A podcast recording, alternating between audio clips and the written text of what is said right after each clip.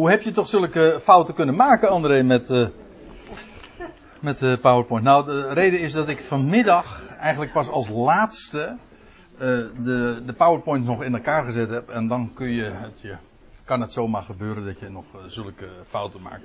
Maar ik heb begrepen dat de meesten het van u het inmiddels mij vergeven hebben. En zojuist kwam Hans naar mij toe en die liet zien. Hij zei van kijk, een paar weken geleden nog schreef je dat het wel het goede jaartal waar we nu in zitten en nu niet.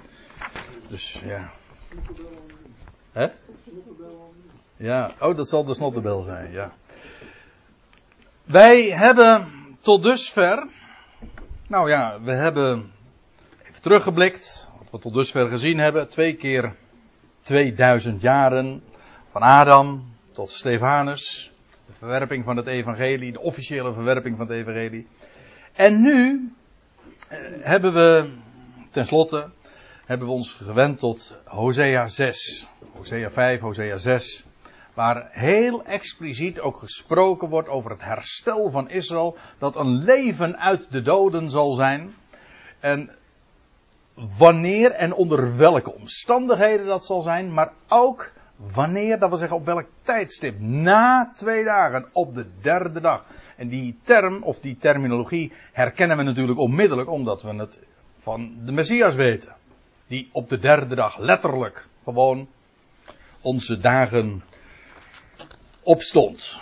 Op de derde dag verrees uit het graf. Maar het blijkt ook te maken te hebben en betrekking te hebben op Israël, het nationale geestelijke herstel van het volk. En ik heb geen jaartallen genoemd. Ja, nou ja, ik heb verteld wanneer uh, het jaar 6000 aanbreekt. Maar ik heb verder helemaal niets gezegd. Uh, ik heb verder helemaal niets gezegd over, uh, over, het, over een jaartal dat de Heer terugkeert. Ik heb Hosea 6 gelezen na twee dagen op de derde dag. En nu willen wij vervolgens weten wat daarmee bedoeld wordt. Want dat het niet gaat over dagen van 12 uur, dat lijkt mij tamelijk evident. Een dag heeft 12 uur, dat weet u. Een nacht ook, gemiddeld. Maar nee, het gaat niet over dagen van 12 uur, maar wat voor dagen dan wel? Dat is de vraag die we ons moeten stellen. En als je. En de meesten van u zullen inmiddels, denk ik wel, het antwoord op die vraag kennen. Maar hoe uh, duidelijk is dat? Waar is dat aan ontleend? Wel, we gaan naar 2 Petrus 3 toe. En u moet daarvan weten dat Petrus deze brief schreef als zijn geestelijk testament. Ik noem het zo, waarom? Omdat we lezen in hoofdstuk 1, vers 14 van deze tweede brief. Dat het tijdstip van zijn verscheiden, nee, hij noemt het anders, dat hij zijn aardse tent af zal leggen, nabij is. Dus Petrus is aan het eind van zijn leven. En nu gaat hij in deze brief brengt hij buitengewoon belangrijke dingen naar voren. Hij is de apostel van de besnijdenis, heel uitdrukkelijk. Aan hem was ook het evangelie van de besnijdenis gegeven. En hij richt zich ook aan de vreemdelingen in de verstrooiing. Lezen we in, ehm, dat lezen we dan al in de eerste brief ook. En nou zegt hij dit. Dit is het laatste hoofdstuk van die brief. En dan staat dit vooral moeten jullie weten. Uh, en wat dan wel? En dan gaat hij wijzen op de toekomende dingen. Dat er in de laatste dagen, in het laat, op het laatst van de dagen. Een uitdrukking die we nog eens een keer tegenkomen. En die eigenlijk standaard te maken heeft met de, het aanbreken van de Messiaanse tijden. Ook in het Oude Testament komt die uitdrukking nog eens een keer voor. Dit vooral moeten jullie weten dat er in het laatst van de dagen spotters met spotternij, ja dat is met spotlust uh, zullen komen, uh, die naar hun eigen begeerte zullen wandelen. Zij gaan gewoon hun gang, ze gaan gewoon hun gang uh, naar hun eigen goeddunken, naar hun eigen begeerte, naar wat ze zelf willen.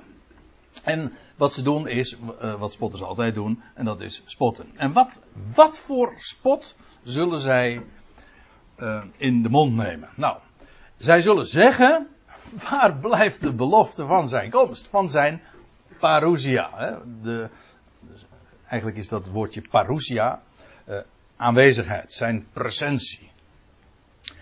Dat hij weer acte de présence zou, zal geven. Presentie, parousia, aanwezigheid.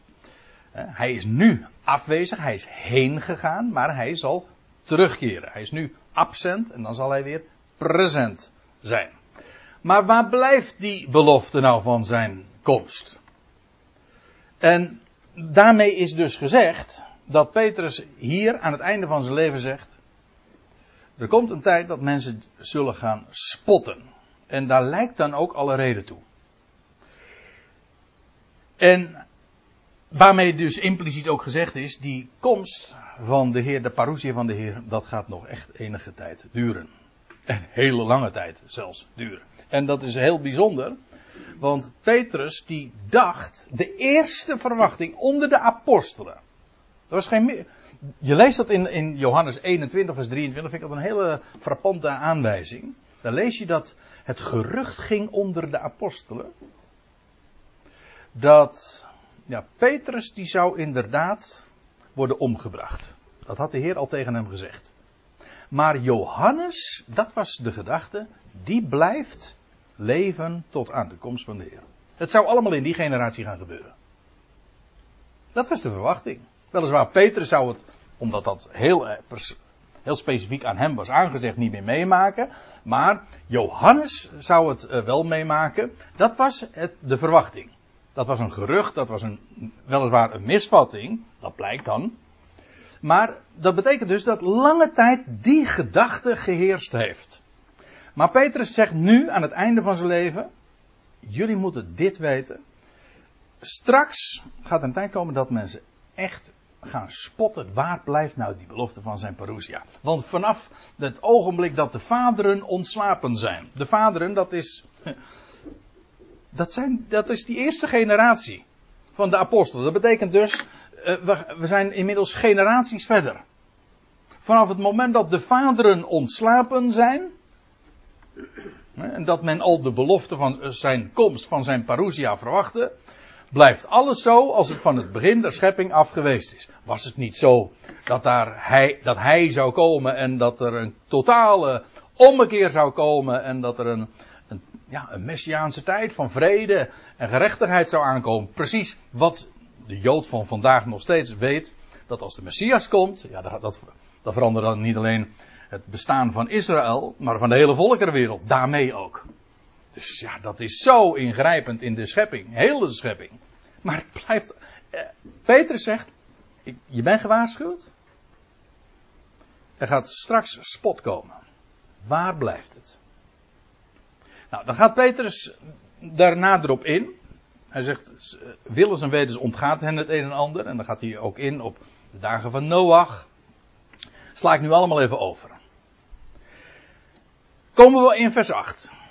En, want dan gaat hij ook inhoudelijk reageren op de spot aan zich. Wat zeggen zij? En wat is daar fout aan? Wat ontgaat deze spotters? Nou, en wat zou de, de lezers in ieder geval zouden eh, moeten weten? En wat zou hen niet mogen ontgaan? Nou, dit ene.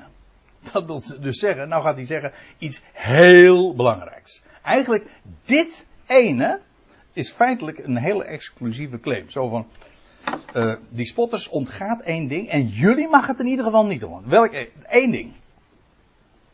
Nou, nou moeten we echt de oren spitsen. Want dit ene, dat moet toch te onthouden zijn, mag ons niet ontgaan, zegt Petrus dan aan zijn Joodse lezers. Doch dit ene mag u niet ontgaan. Laat dat niet onopgemerkt zijn, geliefden. Dat één dag, en nou komt het. Nou komt de inhoud wat ons niet mag ontgaan. Dat één dag bij de Heer is als duizend jaar. En hij herhaalt het nu. En duizend jaar als één dag. Dat gebeurt heel vaak met belangrijke dingen. Voorwaar, voorwaar, ik zeg u. Martha, Martha. Weet je wel, dat, dat is altijd een inleiding tot iets heel belangrijks. Dan herhaal je dezelfde waarheid. In omgekeerde volgorde eventueel gewoon parallel daaraan lopend. Maar dat betekent dus, hij, hij brengt twee keer om daarmee iets te benadrukken. Dat ene dat ons niet mag ontgaan. Vandaar die herhaling. Twee keer dezelfde waarheid. Duizend jaar bij ons is bij de Heer als één dag. En eh, dan zegt hij, herhaalt hij dat dus. Dus hij spreekt twee keer over een dag. En hij spreekt twee keer over duizend jaar. Waar? Dus als wij nu bijna 2000 jaar na het heengaan van de Heer leven, dan is dat voor ons 2000 jaar. Maar voor de Heer is dat slechts bijna twee dagen.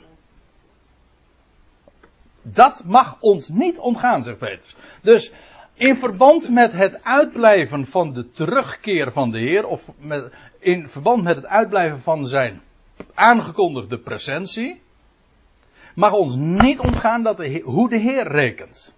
Trouwens, dat is nu uh, niet uh, een onderwerp wat ik verder uh, wil, wil toelichten. Want waar haalt Petrus dit nou weer vandaan? Want ook dit vinden we al terug, ook in het Oude Testament.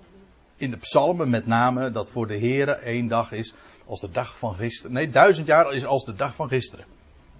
Zegt notabene Mozes al in psalm 90. En er is nog een hele mooie aanwijzing. Even, ik wil hem toch even gezegd hebben. Uh, je leest dat te, tegen Adam en Eva gezegd wordt. Nee, tegen Adam gezegd wordt.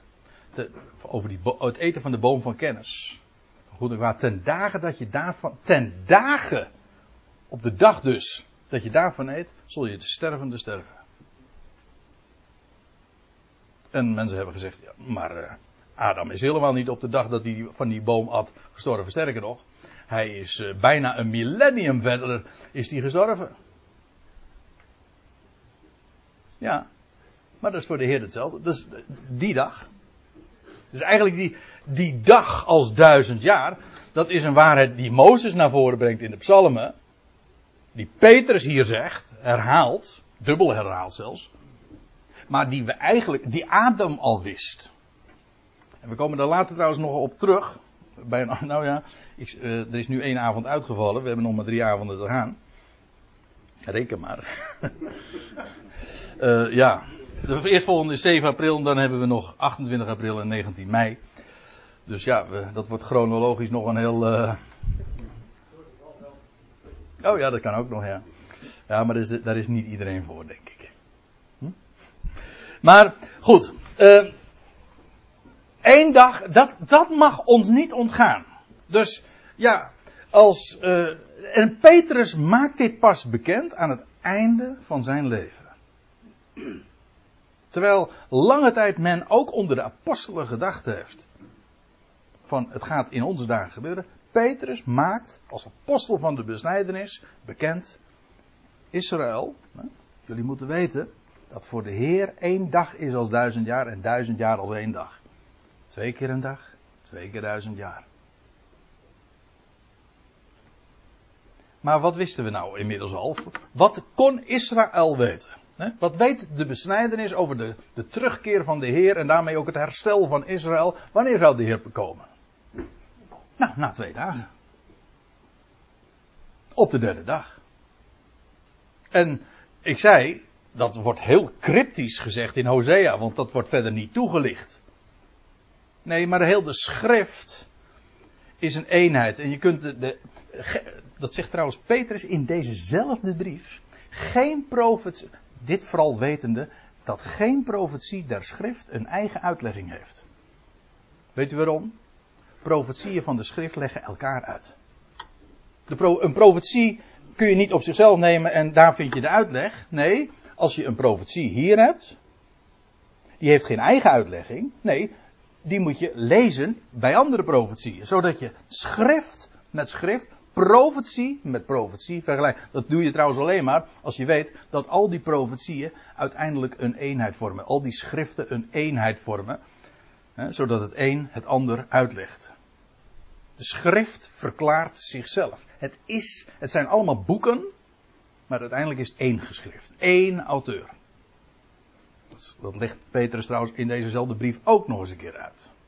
Daarom, het is een hele belangwekkende brief. U zegt van ja, maar ik hou me vooral bezig met Paulus. Nou, dat is, dat is heel mooi, maar dat wil zeggen als je met Paulus bezighoudt. Maar vergis je niet hoor. Wat Petrus te melden heeft.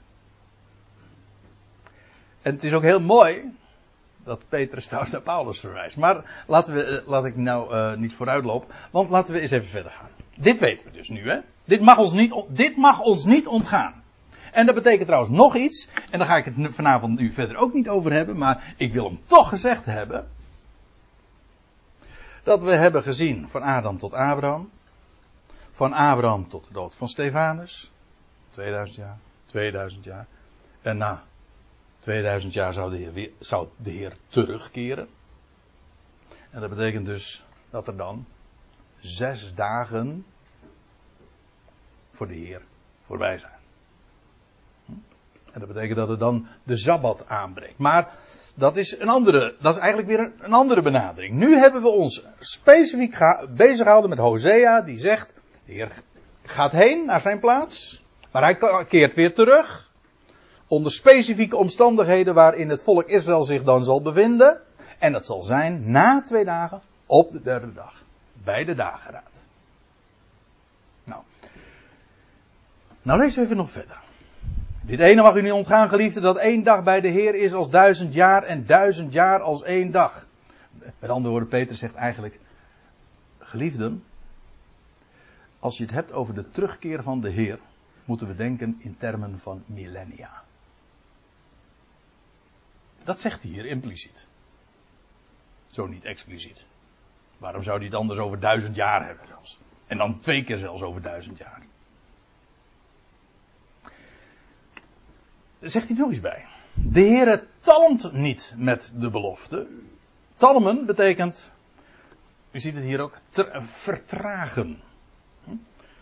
Of uitstellen ik weet, die, ik heb die gedachte zelf uh, in het verleden ook wel gedacht, dat de Heer de, de, de, de, de terugkeer of zijn wederkomst of zijn parousia heeft uitgesteld. Ik, ik dacht ook, als zij naar die aan Talmen denken, nou, dat dacht ik dus ook. Ik dacht de Heer van de Heer heeft uitgesteld.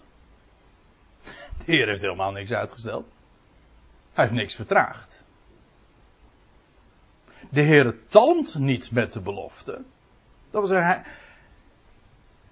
hij, als hij iets zegt, dan gebeurt dat. Dan kunnen menselijke misverstanden en, en daarin een, een, rol gaan spelen. Nou, die zijn dan bij deze meteen ook rechtgezet. Maar we moeten niet aan talmen denken. Maar wat dan wel? Hoezo? Hoezo twee keer duizend jaar? Hoezo twee dagen? Voor de Heer, 2000 jaar voor de mens. Nou, zegt Petrus. Eh, de Heer die rekent anders. En hoe die rekent, nou, dat, dat had hij zojuist in vers 8 nog wel expliciet gezegd. Maar hij zegt, het is geen talmen, hij is langmoedig. Oftewel, hij is geduldig. Langmoedig is een beetje oud Nederlands woord, maar het betekent gewoon, hij heeft geduld. Lang van moed. Het is belangrijk, houd dat woord langmoedig even vast. Hij is langmoedig. Jegens. Tot in jullie. Daar hij niet wil. Nou, dat woordje wil moet je doorkrassen. Dat staat er niet. Er staat, daar hij niet van plan is. Of daar hij niet bedoelt. Hier staat hetzelfde woord wat we ook in Romeinen 9 tegenkomen. In Romeinen 9 vers 19. Wie heeft zijn bedoeling weerstaan? Maar ik geef toe, eh, ook in de meeste vertalingen staat dat ook al fout. Er staat ook wil, maar er staat niet. Kijk, Niemand heeft ooit Gods bedoeling weerstaan. Kan niet. Is onmogelijk. Gods wil weerstaan, ja, wis en waarachtig. Farao weerstond Gods wil, maar niet Gods bedoeling. Niemand heeft ooit Gods bedoeling weerstaan. Kijk, daar hij niet wil, nee, het is veel sterker, daar hij niet de intentie heeft, daar hij niet de bedoeling heeft, daar hij niet van plan is, dat sommigen verloren gaan maar dat allen tot bezinning, metanoia, omdenken, is tegenwoordig een steeds bekender woord aan het worden, om, metanoia betekent, meta is om. En noia heeft niet te maken met gevoel of met spijt of met berouw, maar dat heeft te maken met denken. Noia is denken. Paranoia, dan zit je naast te denken. Maar noia is denken. Metanoia betekent dat omdenken. Een totale verandering, transformatie van je denken. Daar allen tot metanoia komen, maar letterlijk staat er, om plaats te bieden tot bezinning van allen. Plaats, allen plaats bieden tot bezinning. Als u dit hoort, de Heer bedoelt niet. De Heer is langmoedig. De Heer bedoelt niet dat enigen verloren gaan, maar dat allen tot metanoia komen, of beter, plaats bieden tot metanoia voor allen. Hier klinkt de boodschap van.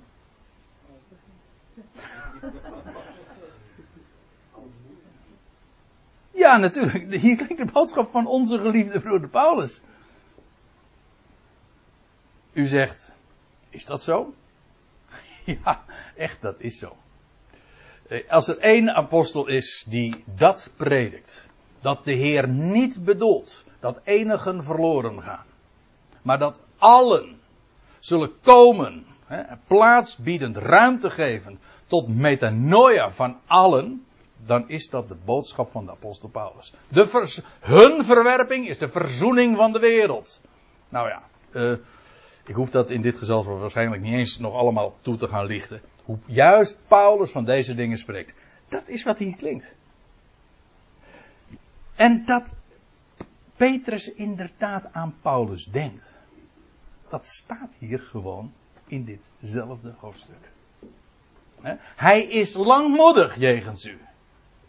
En dan ligt, hij toe Hoezo langmoedig? Wel, daar hij niet de intentie heeft, niet de bedoeling heeft dat enigen verloren gaan, maar dat allen plaats bieden tot bekering. Nou, nou lezen we even verder en gaan we weer even een paar versen verderop. En dan zegt Petrus dit. En houd de langmoedigheid van onze heren. Nou, daar had hij het al eerder dus over. En wat, wat bedoelde hij met de langmoedigheid? Wel, het uitblijven van de Heer. De de komst van de Heer is niet vertraagd. Nee, hij is geduldig. Duurt naar menselijke termen veel langer dan wat aanvankelijk gedacht werd. werd. En in die tussentijd, wat heerst daar dan? De langmoedigheid van de Heer. En wie spreekt daarover? Over die langmoedigheid van de Heer. Nou, Petrus. Uh, die is ons eh, zeer van dienst en die ligt dat zelf toe. Hij zegt, houd de langmoedigheid van onze Heer voor zaligheid. Eigenlijk staat er gewoon redding. Het woord zaligheid betekent redding. De Heer die niet wil dat enigen verloren gaan, maar dat allen tot bekering komen. Houd die langmoedigheid, die tijd waarin de Heer uitblijft in zijn parousia, Houd dat net als onze geliefde broeder Paulus voor redding. Die langmoedigheid van hem. Ja. Want het uitblijven van die parousia, dat is een demonstratie van de langmoedigheid. En het is eh, in, tijdens dit uitblijven van die, eh, van die terugkeer van de Heer, klinkt ook juist die boodschap. En ja, wie spreekt daarover? Nou, zie daar. Zoals ook onze geliefde broeder Paulus. Nu weet ik dat onze, dat Petrus met Paulus nog wel eens moeite heeft gehad hoor. De gelaten brief uh, lees je daarover. Die hebben het, uh, je leest op een gegeven ogenblik, Paulus heeft uh, Petrus bezocht. En Paulus heeft ooit verteld zijn hele verhaal aan Petrus. Gedurende 15 dagen dat ze bij elkaar waren. lees je allemaal in gelaten. Later geven ze elkaar de rechterhand bij een belangrijke vergadering. Een afspraak ook. Wie naar wie zou toegaan. En, en, en nog weer later lees je dat Paulus Petrus openlijk in het gezicht, dat wil zeggen gewoon in gezelschap ook van andere vooraanstaande mensen. Uh, Paulus weerstaat hem openlijk. Heeft Petrus uh, toen de deur ingegooid en uh, heeft hij Paulus afgeschreven? Nee. Hij spreekt aan het einde van zijn leven over onze geliefde broeder Paulus. En onze geliefde broeder Paulus, wat is hem? Wat, wat, waar spreekt hij over? Nou, laat ik eerst even dit zeggen. Dan, dan wordt er gezegd, naar de hem gegeven wijsheid. Ja, want ook Paulus eh, heeft dat heel vaak in zijn brieven geschreven. Dat het evangelie dat hij verkondigt, dat heeft hij niet van een mens gekregen. Niet van Petrus bijvoorbeeld. Nee, het was hem van Gods wegen geopenbaard. Niet waar? Het was wijsheid die hem was gegeven. En hij heeft trouwens ook over die wijsheid aan hen, aan de besnijdenis geschreven. Dat is trouwens een hele bijzondere. Uh, hij heeft, Paulus heeft, is een, u weet het, hij is de, de apostel die geschreven heeft aan de voorraad, de natieën. Maar Petrus zegt hier dat hij jullie, van de besnijdenis, ook een brief geschreven heeft. En welke zou dat zijn? Ik denk, ik kan geen andere noemen. Ik zou geen andere kunnen bedenken. Dat is de Hebreeënbrief. Uh, daar ga ik het nu verder niet over hebben. Daar is een heleboel over te vertellen. Dat is heel boeiend. Maar uh, goed, ik moet het even genoemd hebben, want anders zou je hierover kunnen struikelen. Want je zegt van, hè, Peter, Paulus heeft zich toch alleen maar tot de natie gericht? Nee, hij heeft ook hen geschreven. En er komt één brief voor in aanmerking, is de Hebreeënbrief. Dat is wat ik wil zeggen. Maar dan zegt hij trouwens nog iets bij. Onze geliefde broeder Paulus, die spreekt over die langmoedigheid van de Heer. Dat wil zeggen, over het uit, de tijd dat Israël terzijde staat, Israël als dood is, Israël het evangelie heeft verworpen. Ja, en nu klinkt de boodschap van de verzoening der wereld. Van Gods langmoedigheid, die niet wil dat er één verloren gaat, maar dat allen zich bekeren. En allen zullen zich ook bekeren.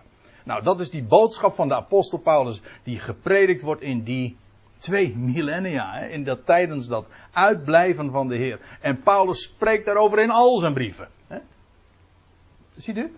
Hij, die langmoedigheid, dat is, dat, hij zegt, houd het voor redding, die langmoedigheid. En onze geliefde broeder Paulus spreekt daarover. Het is een wijsheid die aan hem gegeven is. Hij heeft jullie daar ook over geschreven. Maar hij zegt in al zijn brieven. Kennelijk gingen daar al collecties van brieven, uh, deden de ronde, zodat uh, die brieven dus kennelijk ook al uh, verzameld waren. Dat is nog weer een ander verhaal hoe de, het Nieuwe Testament tot stand gekomen is. Maar hij spreekt over deze dingen. Dat wil zeggen, over dat wat de Heer doet tijdens het uitblijven van de terugkeer van de Heer. Dat zijn langmoedigheid. Dus de Heer vertalmt niet, hij vertraagt niet, nee, hij is langmoedig. En, en dat heeft te maken, in die, twee, in die twee dagen, in die twee millennia, is de boodschap van de apostel Paulus buitengewoon belangrijk. En Petrus, als apostel van de besnijdenis, wijst zijn geadresseerde naar Paulus. Daar moet je wezen. Als je wil weten hoe het zit met dat uitblijven van de komst van de Heer en wat daarin tijdens die, dat uitblijven gehoord en gepredikt en verteld zou moeten worden, wel dan moet je bij hem wezen. Eigenlijk wat Petrus hier doet is, dan moet je bij Paulus wezen. Als je meer hierover wil weten, over die twee dagen, als je wil weten wat er gaat gebeuren op die derde dag, moet je eigenlijk bij Petrus wezen. En het, het herstel van Israël enzovoort, ja, dat is, dat is het onderwerp van hem. Maar in die twee dagen, dat Israël terzijde staat, dan moet je bij Paulus wezen. Nou ja, hij zegt er wel bij, uh, daarin is een en ander moeilijk te verstaan. ja, dat is logisch. Het was ook een heel ander spoor. En Paulus heeft, of Petrus heeft maar heel veel moeite gehad met uh, het verstaan van de apostel Paulus. Dat heeft ook heel, uh, heel veel tijd gevergd. Maar goed, hij is hier aan het eind van zijn leven zijn les geleerd. En één ding weet hij heel zeker. En dat is die langmoedigheid van de Heer. Dat heeft, daar, daar spreekt Paulus over. In al zijn brieven. Als je daar of van op de hoogte gesteld wil worden, ja, dan moet je inderdaad bij hem wezen. Wees erop bedacht dat daar in een en ander moeilijk te verstaan is. Hij zegt, en hij waarschuwt er dan ook nog eens bij wat de onkundige en onstadvastige, de labielen. die afgaan op gevoel bijvoorbeeld. dat is labiel. Als, je, alleen maar afgaat op je zintuigen, op je, op je gevoel, dan ben je labiel. Dan ben je ook wankelmoedig. ja, met recht dus onstandvastig. Onwetend, onkundig. Ja, en wat ga je dan doen? Dan ga je verwringen de dingen die daarin staan, of probeer je aan te passen. Het zal wel niet zo, het staat er wel, maar dat is al anders bedoeld allemaal. Dat hè. Ja, maar dat doe je tot je eigen verderf, zegt hij. En trouwens, dat is niet alleen wat ze met zijn brieven doen, met al zijn brieven, maar eh, ook met de overige schriften. Waarmee trouwens ook gezegd is dat Petrus eh, de brieven van Paulus op dezelfde, eh, dezelfde autoriteit toekent als de autoriteit van de rest van de Tenach. Dat is heel bijzonder. Maar goed. Wat we nu gezien hebben vanavond, en we gaan de volgende keer daarop door, want we zijn er natuurlijk nog niet. Hè? Uh, hierover is uh, uh, heel veel te vertellen. Echt heel veel te vertellen. in verband met die twee dagen. Als u nou vraagt van, ja, waarin, hoe zou je deze avond willen samenvatten? Dan zeg ik van nou, dat de Heer voor Israël zal terugkeren na twee dagen. En als je wil weten wat twee dagen zijn en wat dat voor de Heer betekent, dan weten we dat ook. Dat is na 2000 jaar. Vanaf Stefanus, dan kunnen wij weten inderdaad. Ik, ik uh, heb me heel uitdrukkelijk voorgenomen om geen jaartallen te noemen. Ja, ik heb een jaartal genoemd om gewoon te vertellen van in welk jaar we nu leven. Dat heb ik nog fout gedaan ook, want ik zat er nog twee jaar naast.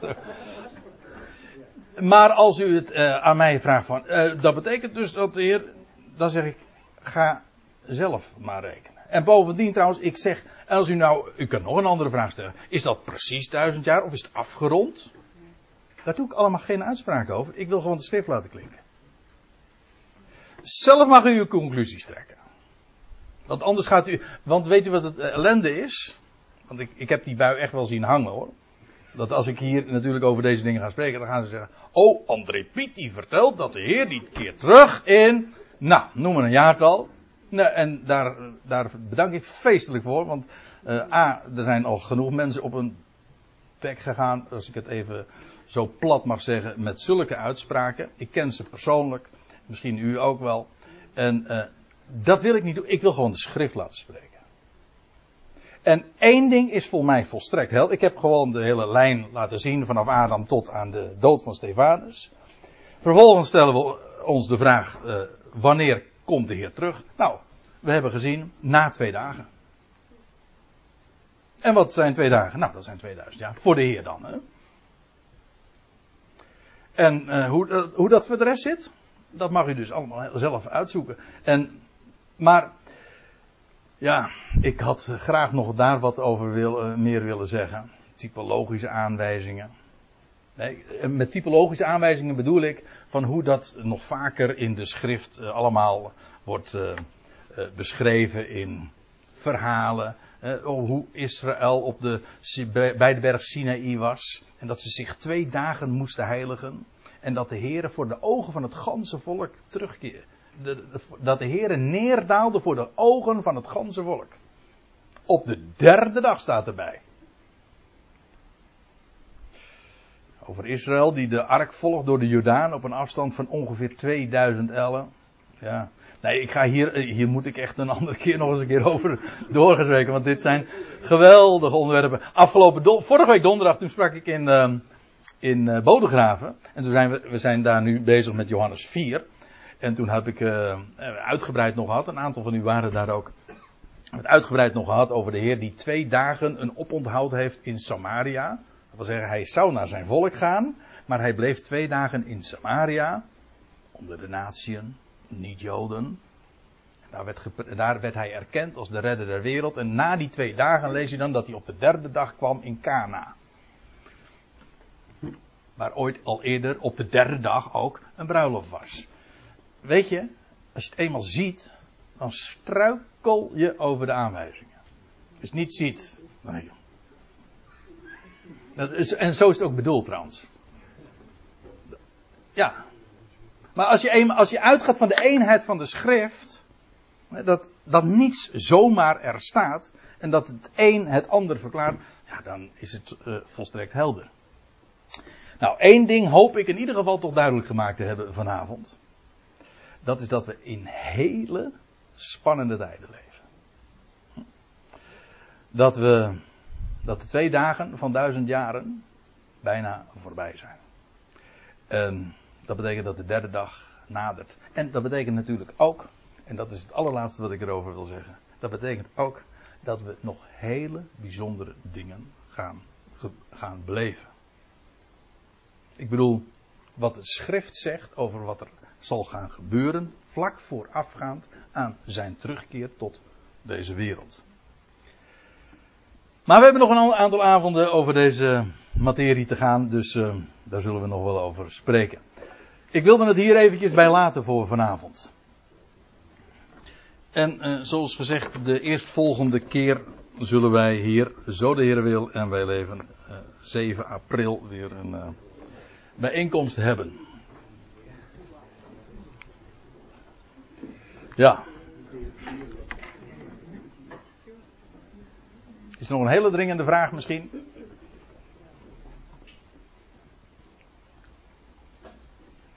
Nee. Nou, dan, uh, dan sluiten we deze twee uren af. ja. Twee uren, twee dagen, twee decennia hebben we het over gehad.